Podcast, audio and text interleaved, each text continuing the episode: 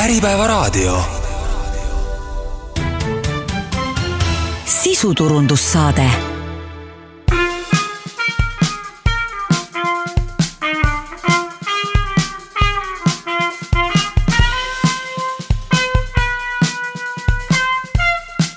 Soraineni sagedus, mitu arvamust, üks eesmärk.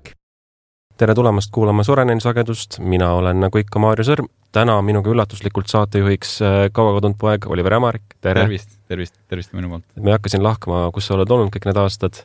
ja suur au on meil äh, tervitada külas äh, välisministrit, tere! tere päevast! ja siis ka head kolleegi Kristat. tervist! ja kui juba selline suursugune esindus meil siia kokku aetud on, siis me täna räägime sanktsioonidest, sanktsioonipoliitikast, mis seondub siis käimasoleva sõjaga Ukrainas. et äh, proua välisminister, äh, värskelt tulite Brüsselist, võib-olla oleks siis ajakohane küsida, et äh, et mis seal oli vist Välisnõukogu ja Üldnõukogu, eks ole, mis seal sanktsioonide osas arutati, mida otsustati, mis tulevikusuundumused on? esmaspäevasel välisministrite kohtumisel oli Venemaa agressioon Ukraina suhtes üks peamine aruteluteemasid ja nende seas loomulikult ka äh, arutelu, kus me oleme praeguste sanktsioonidega ja kuidas saaksime poliitiliselt jätkata surve avaldamist Venemaale selle agressiooni lõpetamiseks. ja äh, praegu on tõesti tunnetus selline, et äh, kokku lepitud sanktsioonid on üsna mõjukad, kuid samal ajal on näha, et seal on ka mitmeid tagauksi ja me arutasime, mis täpselt need tagauksed on, kuidas neid sulgeda, liikmesriigid tegid oma ettepanekuid ning äh, teine aspekt oli ka uute sanktsioonide äh, käsitlus, liikmesriigid tegid samuti ettepanekuid ja praegu siis vastavalt peaks Euroopa Liidu välisteenistus koos komisjoniga neid ettepanekuid koondama, et vaadata, kust tuleb ühisosa ja milliseid äh, sanktsioone siis järgmisena juurde kehtestada. ja need poliitilised arutelud loomulikult jätkuvad, üldasjade nõukogu valmistas ette ülemkogu ja, ja kindlasti jõuab see ka homme liidrite lauale ning samamoodi siis poliitiliselt äh, arutatakse edasi, et millised on need järgmised võimalikud sanktsioonid, mida tuleks kehtestada no teie ministrina olete kindlasti nende sanktsioonide nii-öelda küpsetamise juures, et võib-olla selline kuulajal oleks hea kuulda, et kuidas üldse see üks sanktsioon sünnib, et ma saan aru, suures pildis see peaks olema, et kuskilt tuleb idee, leitakse konsensus, jõustatakse. Aga võib-olla mõne Eesti näite varal, et me kindlasti oleme ka suunanäitajad olnud mõnes küsimuses sanktsioonide raames, et kuidas see protsess on täpselt välja näinud? siin tuleb natuke minna ajas tagasi ja ma ei lähe nii kaugele kui aasta kaks tuhat neliteist, kui juba Euroopa Liit esimesed äh, laiapindsed sanktsioonid Venemaa suhtes kehtestas seoses Krimmi annekteerimisega, äh, kuid kui me läheme tagasi eelmise aasta sügisesse ja kui algas Vene vägede koondumine Ukraina piirialadele, Äh, siis tegelikult ju äh, leppisid nii Ameerika Ühendriigid kui Euroopa partnerid kokku selles, et äh, pandi mõjutustegevusena nii-öelda sanktsioonipakett sahtlisse, et see võetakse koheselt välja, kui algab sõjaline agressioon. ja kahetsusväärselt oleme me olnud selle tunnistajaks, et see sõjaline agressioon algas, kuid me nägime ka, et kohe esimestel sõjapäevadel esimesed sanktsioonid kehtestati ja nende aluseks oli analüüs, et milline on Äh, majandustegevus Euroopa Liidu ja Venemaa vahel ning äh, mis on siis need Euroopa võimalused äh, neid lõpetada ära, välisvahendite, valuutareservide jõudmine Venemaale et kuidas võimalikult kiiresti anda Venemaale mõista, et see sõjaline tegevus ei ole aktsepteeritav ning takistada Venemaal raha jõudmist, Venemaale raha jõudmist, millega siis sõda Venemaa poolt finantseeritakse. ehk siis kokkuvõtlikult oli, olid sanktsioonid põhimõtteliselt sahtlis juba olemas, välja mõeldud, kokku lepitud, võib-olla siis läheneks selle nurga alt, et, et äh, kas meil on sahtlis juba veel midagi kokku lepitud või nüüd me peame neid uusi välja töötama ja, ja konsensust otsima ja praegu me oleme jõudnud äh, kindlasti sellesse faasi, kus äh, liikmesriigid äh, teevad omapoolseid ettepanekuid ja, ja nende pinnalt otsitakse konsensust. kui me räägime, et noh, kuidas see täpselt käib, siis näiteks just neil päevil on Balti riigid koos Poolaga teinud ettepaneku, et me järgmise sammuna peaksime kindlasti ka sulgema meie sadamad Vene lipu all sõitvatele laevadele, mis oleks väga selge mõjuga Vene emp-, Vene impordile ja ekspordile, mis tegelikult tähendab väga tugevat kaubanduslikku mõju ja loomulikult ka valuuta jõudmise vähenemist Venemaale Euroopa Liidus on, ma arvan, seoses sanktsioonidega kindlasti ka majandussektorid, mis tekitavad teravamaid arutelusid, võib-olla ka mõned teised, üks, üks selleks on kindlasti energeetika. kui teravad arutelud on kogu e, energeetikasektori osas täna Euroopa Liidus üleval ja, ja kas võib oodata nüüd sõja veel eskaleerudes mingit suuremahulist embargot näiteks Venemaalt tarnitavale energiale? energeetika arutelud äh, Euroopa Liidus on üleval kindlasti mitme nurga alt, ühelt poolt Euroopa Liidu riigid arutavad seda, kuidas energiajulgeolekut tugevdada, ehk siis et me ei sõltuks Venemaa to-, toorainest ning teiselt poolt, et kas meil on valmisolekut siis sanktsiooni alla panna rohkem energiasektoriga seotud tegevusi, kui me seni oleme kokku leppinud. näiteks oleme me seni kokku leppinud, et energiavaldkonnas me ei ekspordi enam kõrgtehnoloogiat Venemaale, ehk siis on selline pikaajalisema mõjuga sanktsioon Euroopa Liidus kokku lepitud, kuid äh, kuidas nüüd poliitiliselt edasi liigutakse energia äh, sektori embargoga, äh, praegu on keeruline öelda, sest on näha, et selle ümber veel konsensust ei ole. Kuid äh, siin kindlasti on oluline lisada, et enamus Euroopa riigid on öelnud, et nad ei näe piiranguid ähm, äh, sanktsioonide kehtestamisele. Äh,, eesmärk on ikkagi mõjutada Venemaad seda äh, sõda lõpetama ning kindlasti niikaua, kui me näeme äh, neid õõvastavaid pilte sellest sõjategevusest Ukrainas, äh, see sanktsioonide kehtestamine jätkub. ega me siia Kristot ka niisama saatesse ei kutsunud, et võib-olla äh, sellele sissejuhatusele, äh, Krista, äkki sa saaksid äh, kommenteerida, et et üks külg on loomulikult see, et äh, sanktsioonid kehtestatakse, eks ole, ja järgmine asi on see, et et praktikas tuleb nüüd hakata ju järgima. et võib-olla küsiks siis sellise proaktiivse küsimuse, et, et et kuidas meie Soranenis siis oleme näinud, et, et kas venelastega saab edasi äri teha või on see nüüd verboten? ikka saab, et äh, otseselt selliseid küsimusi meile laekunud päris ei ole, aga eks ettevõtjate jaoks on kindlasti väga segadust tekitav, et mida tohib teha, mida peab kontrollima, missugune hoolsuskohustus kellelegi äh, kohaldub. igasugused finantsteenuse pakkujad on äh, siis äh, need, kelle, kes peaksid neid põhilisi riske maandama, et neil on erikohustused äh, rahvusvahelise sanktsiooniseaduse alusel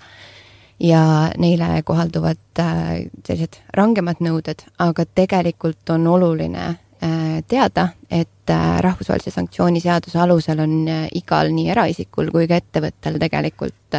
kohustus rahvusvahelisi sanktsioone järgida. rahvusvahelise sanktsiooni rikkuva tehingu puhul võib järgneda, järgneda karistus et selles suhtes, et äh, noh, loomulikult me ei soovita nüüd äh, iga vene rahvusest isiku puhul äh,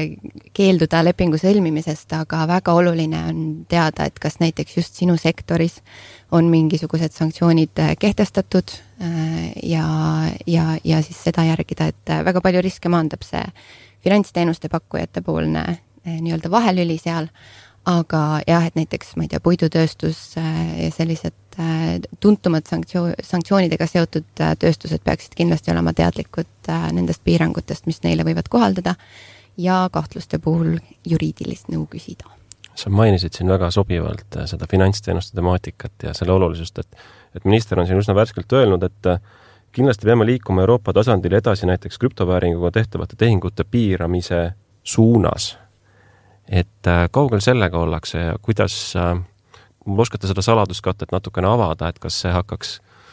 toimuma natukene sarnaselt nagu nii-öelda pankade sanktsioneerimine või, või on selle nii-öelda toimimismehhanism selle krüptovaluuta osas selgem ka? selle konkreetse äh, sanktsiooni äh, kehtestamise ümber äh, konsensust alles luuakse ja selle ümber arutelud käivad kuid eesmärk on jah, äh, sulgeda üks nendest äh, tagaustest, mis võimaldab endiselt välisvaluuta jõudmist Venemaale ja sihiks oleks siis, et need, kes on juba sanktsioneeritud ja need tegevused, mis juba on sanktsioneeritud, et need, et see sanktsioon laieneks ka virtuaalvääringule mm. -hmm. ma põrgataksin kohe sama, samal tema-, temaatikal küsimusega Kristale tagasi, et ähm, sõja alguspäevil oli üks, üks olulisemaid uudiseid, mida oodati, oli Venemaa pankade lahtisidumine siis SWIFT süsteemist ja, ja võib-olla sa, Krista, natuke selgitad, et mis see, mis see üldse tähendab Venemaa pankade jaoks ja teisalt, kas see, et äh, nii-öelda siis klassikalistel pankadel on juurdepääs justkui välisarveldustele nüüd piiratud,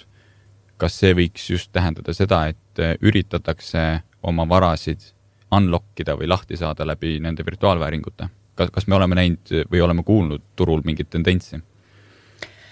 ja et äh, esimese küsimusega seoses siis, äh, et äh, SWIFT on siis selline finantskommunikatsiooni tööriist,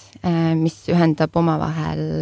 üle üheteistkümne tuhande finantsasutuse teenused rohkem kui kahesajas riigis, mis siis tähendab, et on põhiline kommunikatsioonivahend eelkõige pankade vahel, muude makseasutuste vahel, mis võimaldab neid rahvusvahelisi ja ka siseriiklikke tehinguid teha et äh, kuna seda te teenust pakub Belgia ühing, äh, siis äh, kohalduvad ka neile otseselt need Euroopa Liidu sanktsioonid ja siis esimesel märtsil kaks tuhat kakskümmend kaks võeti siis vastu selline määruse muudatus, mille lisas on siis nimetatud konkreetsed Venemaa pangad, kellele ei tohi SWIFTi sarnaseid teenuseid pakkuda. ehk siis sarnaseid finantskommunikatsiooni tööriista teenuseid. Ähm, ja lisaks siis ei tohi neid osutada ka Venemaal asutatud juriidilistele isikutele Äh, kes siis äh, kuidagi kontrollivad neid pankasid äh, või et kelle omandiõigusest kuulub otse või kaudselt üle viiekümne protsendi nendele pankadele. see siis tähendab seda, et et rahvusvahelised maksed ja siseriiklikud maksed on paljude Venemaa pankade jaoks väga piiratud, rohkem kui kolmsada Venemaa panka kasutasid SWIFTi ja kindlasti on, on nüüd ainuke väljapääs selleks, et teha mingisuguseid rahvusvaheliseid makseid ja siseriiklikuid äh, muude mooduste abil. et kuna siis keelatud ei ole ainult SWIFTi pakkumine neile, vaid ka sarnaste teenuste, siis äh, on see kindlasti keeruline. räägitud on Venemaa siseriiklikust süsteemist, mida oleks võimalik kasutada, aga mis samuti täna mingil määral nõjatub SWIFTi teenustele. selle kommunikatsiooniteenuse väljatöötamine on nii raha kui ajakulukas. Äh, mainitud on ka Hiina siseriiklikku teenust, taaskord seal on äh, nii tugevad lingid SWIFTiga, et äh, see, see saab keeruline olema. ja kui me räägime krüptost, siis tehniliselt mingil määral saab kindlasti seda tagaukseks nimetada. Aga et tegelikult krüptovaraga kauplemine väga paljudes riikides ikkagi ka täna Äh, teenusepakkujad, kes võimaldavad siis äh, oma valuutat virtuaalvääringuks äh, ümber konverteerida, on ise ka rahapesu, terrorismi ja ka sanktsioonikohustusega isikud, et näiteks Eestis on täpselt samasugused kohustused neil nagu näiteks pankadel, et, et kõik need kontrollid ikkagi isikute suhtes, kes üritavad oma valuutat konverteerida virtuaalvääringuks, kontrollitakse samasuguste põhimõtete alusel ja põhiline tagauks ilmselt siin olekski siis variant, et mõni noh, Vene oligarh võib-olla siis on juba varasemalt kogunud omale selle suure hulga krüptovaluutat. et tal on Bitcoinis suur rahakott või? et tal on Bitcoinis suur rahakott ja. Äh, ja siis ta saab sellega teha näiteks makseid, mis ta on samuti üsna piiratud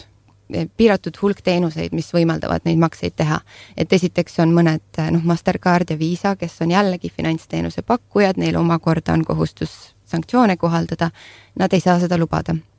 ja siis on mingid teenusepakkujad nagu Tesla, Starbucks, et noh, need on väga-väga piiratud teenused.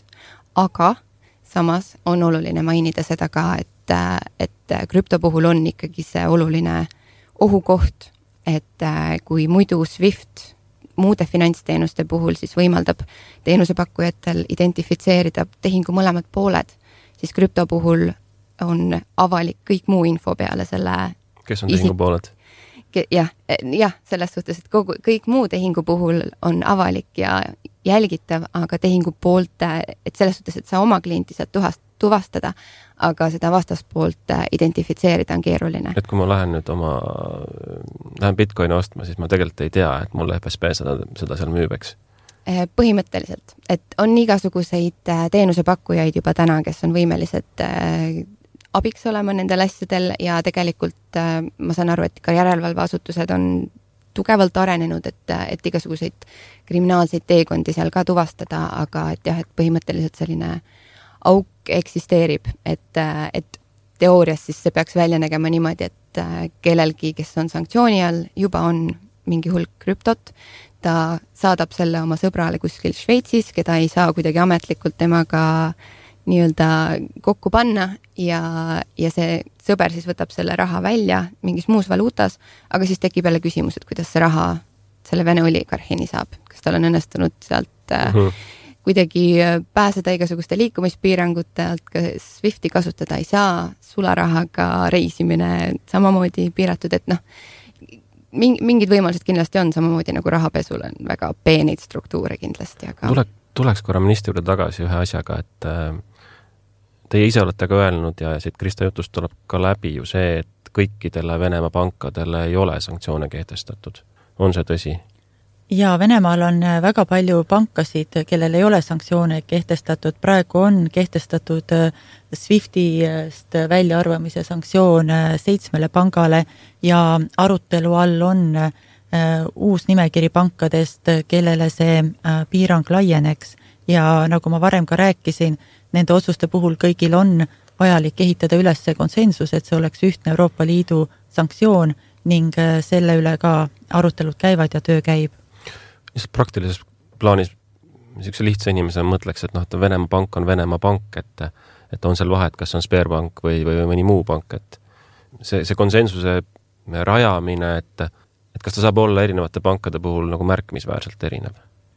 jaa, praegu on tõepoolest siin jäänud osad pangad seetõttu välja, et nende üle käib osade liikmeris, liikmesriikide jaoks kriitiline korrespondents Venemaaga ja seetõttu on äh, konsensus äh, laiemalt äh, pankadele tulnud aeglasemalt, kuid siin on kindlasti oluline ka panna tähele, et Venemaal on loomulikult, ma kujutan ette, tuhandeid pankasid ja me räägime siin ainult seitsmest, et ähm, või seitsmest või, või üheksast või kümnest, et üksikutest pankadest, just nimelt nendest pankadest, keda, kellele või millele Euroopa Liidu sanktsioon mõjuks ja mille kaudu siis on olnud äh, suuremad äh, finantstehingud Euroopa Liiduga mm. -hmm. ma tuleksin veel korra tagasi, Krista, sa mainisid seda, et näiteks krüpto puhul, et kui on võimalik ähm, vahendeid nii-öelda kanda niimoodi, et tegelikult teenusepakkuja ei pruugi teada, kui, kui on nii-öelda erinevad teenusepakkujaid, et kellele neid vahendeid, vahendeid saadetakse äh, ja kui tegemist on isikuga, kellel on siis nii-öelda isikul, isikulise sanktsiooni all, siis praktilise poole pealt ma usun, et teenusepakkujatel võib tekkida küsimus, et kui kaugele peab minema nende isikuliste sanktsioonidega selles suhtes, et kas võib sanktsiooni all oleva isiku pojale, tütrele, emale teenuseid pakkuda või, või, või kuidas sellega on? üldiselt ikkagi isik ise, kes on sanktsioonilistis nimetatud ja tema poolt kontrollitavad äh, näiteks äh, ühingud, et, äh, et seda saab siis niimoodi omandistruktuuri kaudu paika panna aga, aga üldjuhul äh, nendes äh, listides on vist need äh, su-, suuremad, olulisemad nimed kõik, kõik kirja pandud, et ja kindlasti määrused eraldi täpsustavad ka, kui, kui on mingeid erisusi seal. aga üldiselt on isikupõhine ja, ja keegi, keda tema kontrollib ja selle küsimuse üle olid Euroopa Liidus ka alguses äh, tõsised arutelud, alguses ma mõtlen siis sõja alguses, äh, kus tõdeti, et ei ole mõtet oligi, oligarhi ainuisikulisena äh, sanktsioneerida, kui tal on võimalik oma lähedaste kaudu ikkagi tegevust jätkata. Ja Euroopa Liidu sanktsioonimehhanismi vastavalt ka siis täiendati, et need sanktsioonid kehtestaks, oleksid kehtestatud ka seotud pereliikmetele näiteks kas praegu on siis niimoodi, vabandust, ma nüüd segan, et kas praegused sanktsioonid siis laienevad ka seotud pereliikmetele? Äh, praegu on jah, selliselt äh, need äh, kehtestatud. siis praktikas nii meie kui ka teiste noh, nii teenusepakkujate töös tõusetuks ju vajadus siis seotud pereliikmed tuvastada, ma kujutaks ette, eks järgmisena tuleb praktilised küsimused, keda me siis peame seotud pereliikmeks, ilmselt lähikondseid ja Need on kõik määratletud nimeliselt? jah Nad on ise juba nimekirjas mm. -hmm. ehk siis äh,, siis on, siis on palju lihtsam. kui ma mõtlesin, et peab hakkama nüüd Ellepoega tuvastama, et, et palju, palju, palju siis neid on, sugulasi. kui Krista võib-olla räägiks mõnest küsimusest, praktilisest küsimusest, mis meil on veel igapäevatöös sanktsioonide kohaldamisega ette tulnud? no tüüpilised ongi need, et kui kaugele see hoolsuskohustus läheb, et kellel, kellel, kellel on kohustus ja kui kaugele siis mingid äh, tegelikult kasusaajad ja juhatuse liikmed, sellised isikud tuvastada, et kes, keda võib pidada siis äh, kontrolli omavaks isikuks. et kui näiteks osanike seas on äh, viie protsendi osalusega sanktsioneeritud isik, et kas sellisel juhul on risk liiga kõrge, et kas peaks, kas, kas peaks sel, sel juhul sanktsiooni kohaldama selle ühingu suhtes, keda siis viis protsenti omab äh, osaluse kaudu sanktsioneeritud isik. mis see vastus on? no nende faktide põhjal otse äh, ei peaks, sest et äh, lihtsalt viie protsendi osaluse kaudu ta seda kontrolli justkui ei teosta, üldjuhul viidatakse ikkagi viiekümnele protsendile.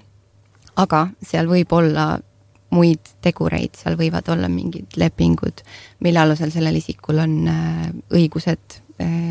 kuidagi mõjutada hääl, hääleõiguseid, see, see on tegelikult tunduvalt keerulisem. et äh, siin on erinevaid praktikaid äh, näha olnud, et äh, kuidas siis äh, teenusepakkujad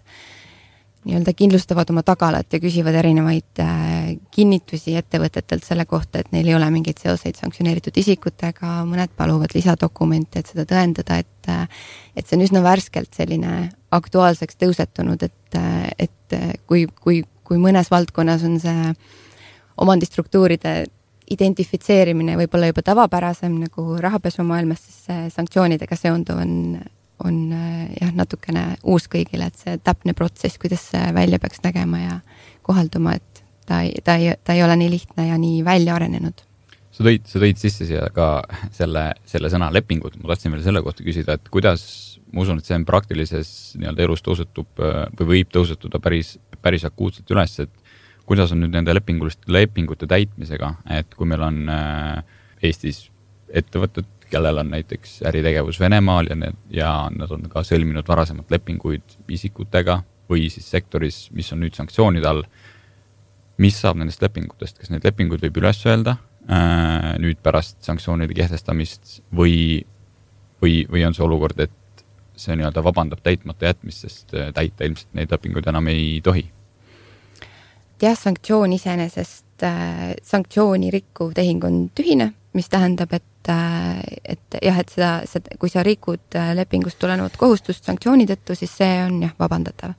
et lepingu ülesütlemiseks otseselt äh, see alust iseenesest ei anna, et seal on juba täpsemalt vaja vaadata, mida see leping äh,, mida see leping ülesütlemise alustena nimetab. et, et see võib jah, keerulisem olla, et äh, kohe, kohe lepingut üles öelda äh, tõenäoliselt õigust ei ole. aga olles enne põgusalt vestelnud välisministriga, siis jäi kõlama üks selline huvitav äh, äh, sanktsioon või, või äh, tegevus, mille puhul me olime ka eestvedajad Euroopa Liidus, see on õhuruumi sulgemine, et võib-olla te räägite lähemalt, kuidas see kõik toimus ja, ja, ja, ja kuidas me sellised suunanäitajad siin olime? mõned päevad peale seda, kui laiapindne sõjaline tegevus Ukrainas Venemaa poolt algas, siis loomulikult äh, hirmutas meid äh, see, kui me nägime ikkagi, et needsamad Venemaa õhulennukid meil siin Euroopa õhuruumis lendavad ja ja Eesti oli üks nendest riikidest, kes oma õhuruumi Venemaa lennukitele kiiresti sulges ja muidugi me koordineerisime teiste Euroopa Liidu liikmesriikidega, eelkõige siis piiriäärsete liikmesriikidega ja väga kiiresti tuli ka selles suunas Euroopa Liidu ühisotsus et äh, kuna see äh, sõjaline tegevus on olnud see, sedavõrd intensiivne, siis kindlasti on olnud tundlikumad need riigid, kes on äh, geograafiliselt Venemaale lähemal ja nendel riikidel on ka rohkem majandustegevust sõltuvast Venemaaga ja arusaamine, kuidas Venemaad võiksime mõjutada suurem, nii et siin on kindlasti väga palju teinud Eesti esimesi samme koostöös ka oma lähimate naabritega on meil veel selliseid säravaid näiteid, kus, kus me oleme eestvedajad olnud? üks nendest oli kindlasti siin äh, aasta alguses ka palju jutuks olnud äh, kaubagrupi kakskümmend seitse null seitse äh, sanktsioneerimine. tol hetkel puudutas see eelkõige Valgevenest toimunud transiiti läbi Eesti, kus Eesti selle transiidi, selle konkreetse tooterühma sank-, transiidi pani sanktsiooni alla, kuid tänaseks on juba selle tooterühma suhtes ja transiidi suhtes kehtestatud Euroopa Liidu sanktsioon, ehk siis me oleme oma siseriikliku sanktsiooni tühistanud, kuid kindlasti me olime selles suhtes ka suunanäitaja. enne kui ma Oliveril luban rääkida, ma lihtsalt, mõte jäi pooleli sinna, et et minu arusaam sanktsioonidest on ka see, et meil on võimalik ju nagu te ise ka mainisite, siseriiklikke sanktsioone kehtestada, et ilmselt me väga kergekäeliselt neid üksik, üksiksanktsioone enda, enda Vabariigi Valitsuse otsuse alusel ilmselt ei kehtesta, aga on meil veel äh, seal mõni veel, äh, mis on olemas? no siin ma kõigepealt äh, peaksin võib-olla täiendama ka seda, et kaubanduspoliitika on ju meil Euroopa Liidus kokku lepitud ühise poliitikana, ehk siis, kui üks riik teeb ise sanktsiooni, ta peab väga selgelt näitama, miks ta seda teeb, ehk siis me peaksime näiteks selgitama, kuidas julgeolekupoliitiliselt on see vajalik ja seetõttu me Äh, teeme sanktsiooni hoolimata ühisest kaubanduspoliitikast, et ega see tegelikult juriidiliselt ei ole äh, väga lihtne liikmesriigil ise äh, sanktsiooni teha. Ja see on ka üks nendest põhjustest, miks kindlasti on eelkõige vajalik Euroopa Liidu ühiseid sanktsioone. Ja teine loomulikult on see mõjukus. Eesti oma ühe koma kolme miljoniga globaalset mõju sanktsiooni kehtestamisel ei omaks, küll aga omaks seda äh, omab seda kaks, kahekümne seitsme riigi ühine sanktsioonipoliitika ning äh, lisaks äh, on loomulikult ju äh, paljud sanktsioonid olnud kehtestatud koostöös Ameerika Ühendriikide, Ühendkuningriigi, Jaapani ja teiste G7 riikidega, ehk siis et neil on tegelik rahaline mõju. Te tõite väga, väga hästi sisse siia ka märksõna koostöö. ma mõtlesin uurida selle kohta, et kas või kui oluliseks peab näiteks Euroopa Liit seda, et pidada läbirääkimisi ja kaasata nende sanktsioonide alla ka näiteks äh, Aafrika riike, Lõuna-Ameerikat, kas Euroopa Liidul on mingid aktiivsed kõnelused näiteks ASEAN-i või Aafrika Liiduga neil teemadel? Euroopa Liit arutab äh, tõepoolest äh, kogu aeg, kuidas me saaksime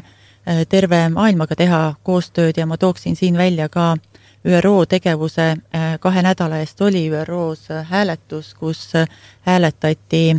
resolutsiooni, milles sätestati, et selles Ukraina sõjas on Venemaa selgelt agressor ja maailma saja üheksakümne kolmest riigist sada nelikümmend üks tunnistas seda fakti. see oli väga oluline alusdokument selleks, et loomulikult kaasata maailma äh, neid riike, kes seda samamoodi mõistavad, ka nendesse mõjutustegevustesse, mis aitaksid seda äh, sõda lõpetada. Äh, kuid on selge, et praegu need sanktsioonid, mida me oleme kehtestanud, et need on eelkõige samameelsete poolt olnud seni aktuaalsed, need on siis Euroopa Liidu ja NATO liikmesriigid, G7 ja G20 riigid osaliselt väga hästi toodi siin mängu rahvusvaheline mõõde ka selles äh, plaanis ju, et ega me siin ei ole Euroopa Liidus üksi, kes neid sanktsioone kehtestavad. Äh, kehtestavad ju Ühendkuningriigid, Ameerika Ühendriigid, et võib-olla Krista, et, et nende Euroopa Liidu sanktsioonidega praktilise rakendamise puhul tundub olema, olema lihtsam, eks ole, niivõrd-kuivõrd. aga kui nüüd on selline olukord, kus äh, miski on USA-s või, või Ühendkuningriigis, eks ole, või keegi sanktsioneeritud Euroopa Liidu poolt ei ole. et kuidas meie ettevõtjad ja inimesed äh, sellesse suhtuma peaksid, kas nad peavad ka neid sanktsioone rakendama? või mis küsimused sellisel juhul tekivad üldse?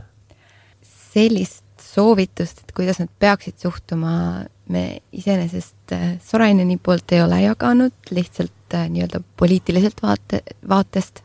aga noh, küll aga me oleme analüüsinud seda, et kas kuskilt tuleb mingi kohustus seda teha et äh, kui ikkagi äri aetakse USA pinnal või äh, UK pinnal äh, või on lepinguga võetud kohustus vabatahtlikult neid sanktsioone kohaldada, et siis need kindlasti kehtivad. et jah, et, et see soovitus, et kas nüüd seda kohaldada, see, see, see võib olla natuke keeruline, sellepärast et kui siis oma õigusest tuleb sul kohustus sanktsiooni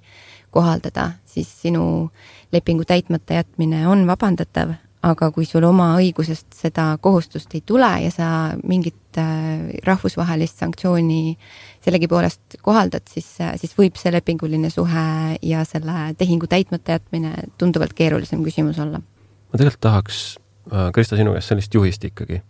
et äh, oletame, et ma olen siis kas Eesti ettevõtja või, või, või, või lihtsalt äh, suvaline Eesti isik. Ja, ja mul on enda äripartneri või, või kellegi, ma ei tea, sugulase suhtes kahtlus, et kas ma võin temaga tehingut jätkata või, või mida iganes, mis need esimesed asjad on, mis ma tegema tegelikult peaks, milles, milles ma pean veenduma, kust ma saan teada üldse, et see isik on sanktsioneeritud või, või millest pihta hakata? Et äh, Välisministeeriumi veebilehel on hea kokkuvõte esiteks, kust äh, leiab infot, aga hästi hea lehekülg on ka Euroopa Liidu sanktsioonikaart, EU Sanctions Map, äh, kus saab siis isikuliselt sisestada nime ja selle põhjal leidub vasteid. Ja siis on lisaks ka toodud erinevate riikide kaupa kohalduvad piirangud. et need on hästi ilusti selliste ikoonide ja kokkuvõtva tekstina seal ära selgitatud ja siis juba tuleks eh, täpsemalt vaadata konkreetseid määruseid ja et mis need konkreetsed juhised seal on. aga jah, et eh, internetis leiduvad need otsingumootorid iga konkreetse sanktsiooni liigi jaoks, kus on võimalik neid isikulisi otsinguid teha. no juba, ma teen selle otsingu ära, eks ole, ma ei tea, kuidas seda Vladimiri nime täpselt siis nagu ladina tähes, tähtedest kirjutada, aga olete, ma kirjutan selle õigesti, ma leian, et hüva, mu äripartner on siis äh, eks ole, sanktsioonid äh,, sanktsioneeritud isikute nimekirjas, mis edasi? edasi tuleb siis äh, tehingu täitmisest keelduda äh, ilmselt, et äh, oleneb, mis see konkreetne sanktsioon no kui see on, nagu ta, kui me räägime siis finantssanktsioonist, mitte sissesõidu, sissesõidukkeelust või millestki, eks ole? ei, finantssanktsioonid võivad ka olla veidi erineva iseloomuga, et äh, tõenäoliselt äh, Vladimiri puhul kohalduksid äh, kõikvõimalikud äh, piirangud, et,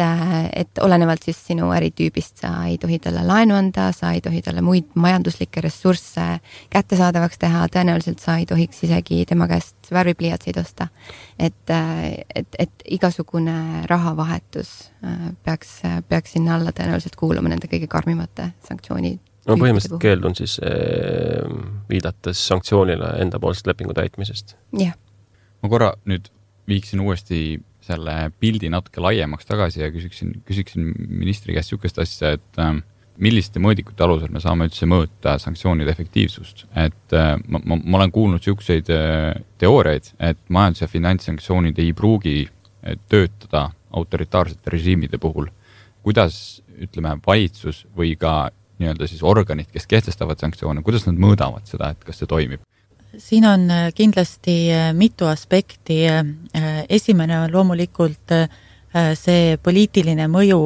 et anda selge sõnum selle kohta, et selline agressiivne sõjaline tegevus ei ole aktsepteeritav. ning teine on majanduslik mõju ja majandusliku mõju tagajärgi me praegu Euroopa Liidu poolt ka analüüsime kuid osad äh, äh, mõjud on ju tegelikult olnud ka selgelt nähtavad ja ka kajastatud, Venemaa börs on olnud suletud, samuti on kukkunud rubla kurss, Venemaa Keskpanga varad on sanktsioneeritud, ehk siis Venemaa valitsusel on nendele puudulik juurdepääs ja seega tähendab, et ei ole võimalik ju sõjategevust nende varade arvelt finantseerida et üks väga selge mõju ja soov on olnud äh, takistada sõjategevuse finantseerimist äh, Venemaal äh,. ja loomulikult mitmed sanktsioonid on olnud ka äh, pikaajalise mõjuga ja nende efekt võib-olla tõepoolest ei ole olnud kohe silmaga näha, seetõttu see paralleelne analüüs on väga tähtis, et äh, jõutaks ka selleni, et tõepoolest see, just nimelt see äh, sõjategevuse finantseerimine tugevamalt läbi lõigata aga proua minister, kui siit haarata sõnasabast, et millised oleks teie arvates need ideaalsed sanktsioonid, mis siis aitaksid sõja lõpetada? Äh, kõigepealt on äh, loomulikult äh, kahetsusväärne see, et see sõda ei ole lõppenud. teiseks ma usun, et sanktsioonid ei ole kunagi ideaalsed seetõttu, et nendel on väga laiapindne mõju ja nende laiapindne mõju ei ole mitte ainult siis Venemaa suhtes, keda me sanktsioneerime, vaid ka meie enda majanduse suhtes globaalse majanduse suhtes, nii et äh, tegelikult äh, on see sõda löönud terve maailmakorra tagurpidi ja, ja kõigile tegelikult kahjulik. kuid kuna õigus elule on väga oluline õigus maailmas ja, ja seda Venemaa poolt väga tugevalt rikutakse, siis loomulikult maailma üldsus peab sellesse sekkuma. ja ma usun, et samm-sammult me liigume üha suurema Venemaa isoleerimise poole ja, ja kindlasti äh, Venemaa poliitiline ja majanduslik isoleerimine äh, peaks viima selle tulemuseni, et Venemaal ei ole ressurssi pikaajalist sõda Ukrainas pidada. Teie poolt tuli ka üks väga märkimisväärne või tähelepanuväärne ettepanek, et alustada Venemaa külmutatud varade arvelt ka Ukraina sõjakahjustuste ülesehitamist. kuidas, kuidas see ettepanek vastu võeti või millised olid need signaalid siis teiste riikide poolt? Äh, praeguses sõjategevuses on selge, et Venemaa on agressor ja ka rahvusvaheline kohus on selles osas teinud oma esialgse otsuse ja need äh, Äh, tsiviilobjektide, tsiviilisikute, tsiviiltaristuse pommitamine, kahjustamine, see on selgelt sõjakuritegu ja keegi peab aitama nüüd selle ülesehitustöö Ukrainas viia ellu ja kuna äh, Venemaa on üha rohkem oma tegevuse sammudega kujunemas vastutavaks pooleks, siis on selge, et tema peab ka selle ülesehituse finantseerima. Äh, seal on kindlasti rohkem võimalusi, kuidas Venemaad äh, suunata seda ülesehitust äh, ellu viima või mitte suunata, mõjutada, survestada,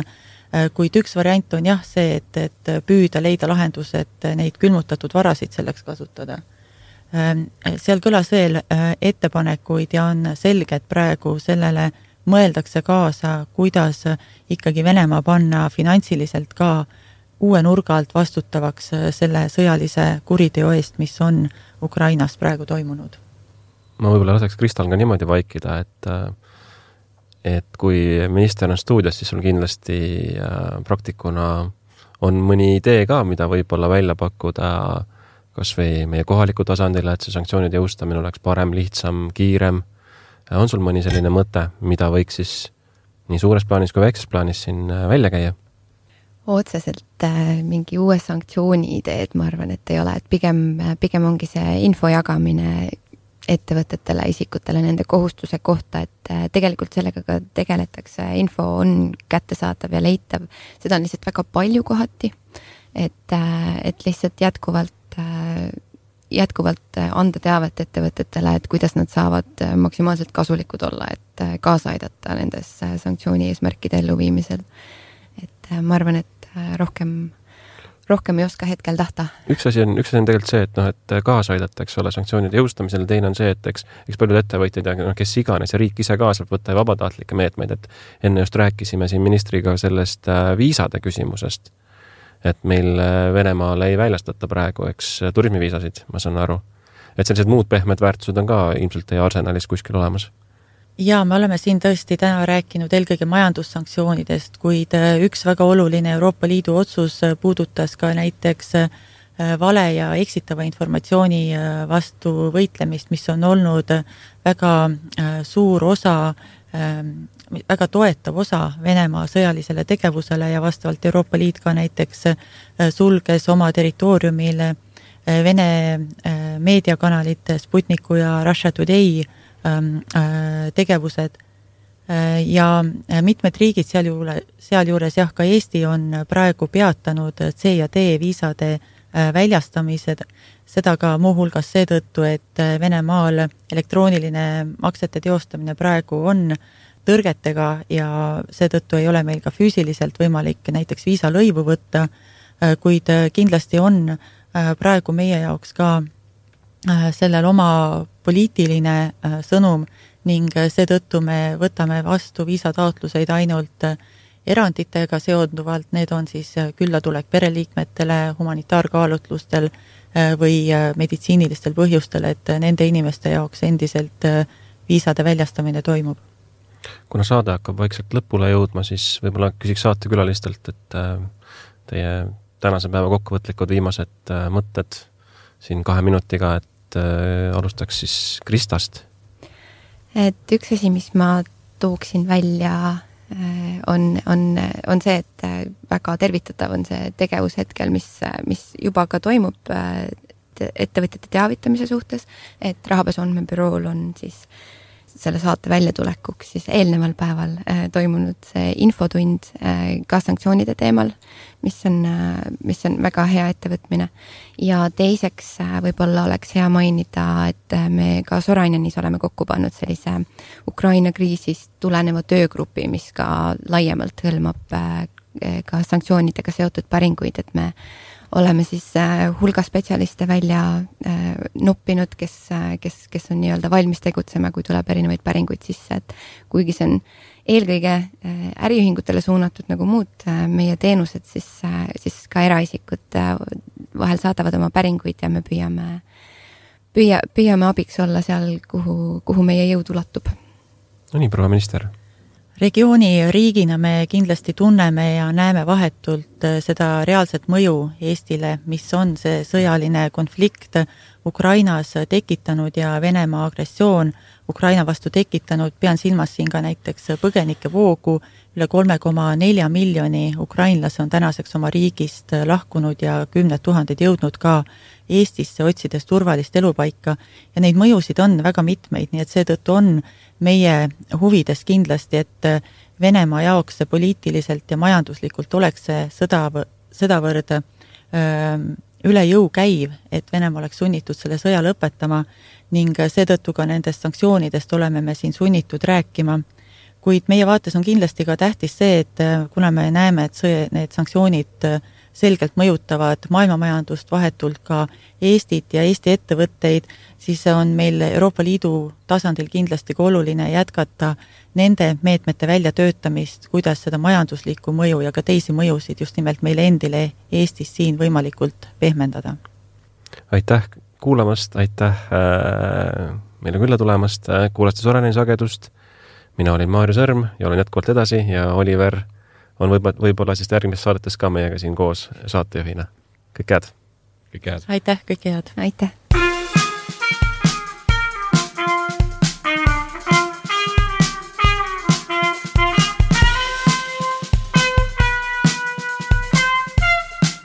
Soraineni sagedus, mitu arvamust, üks eesmärk. Äripäeva raadio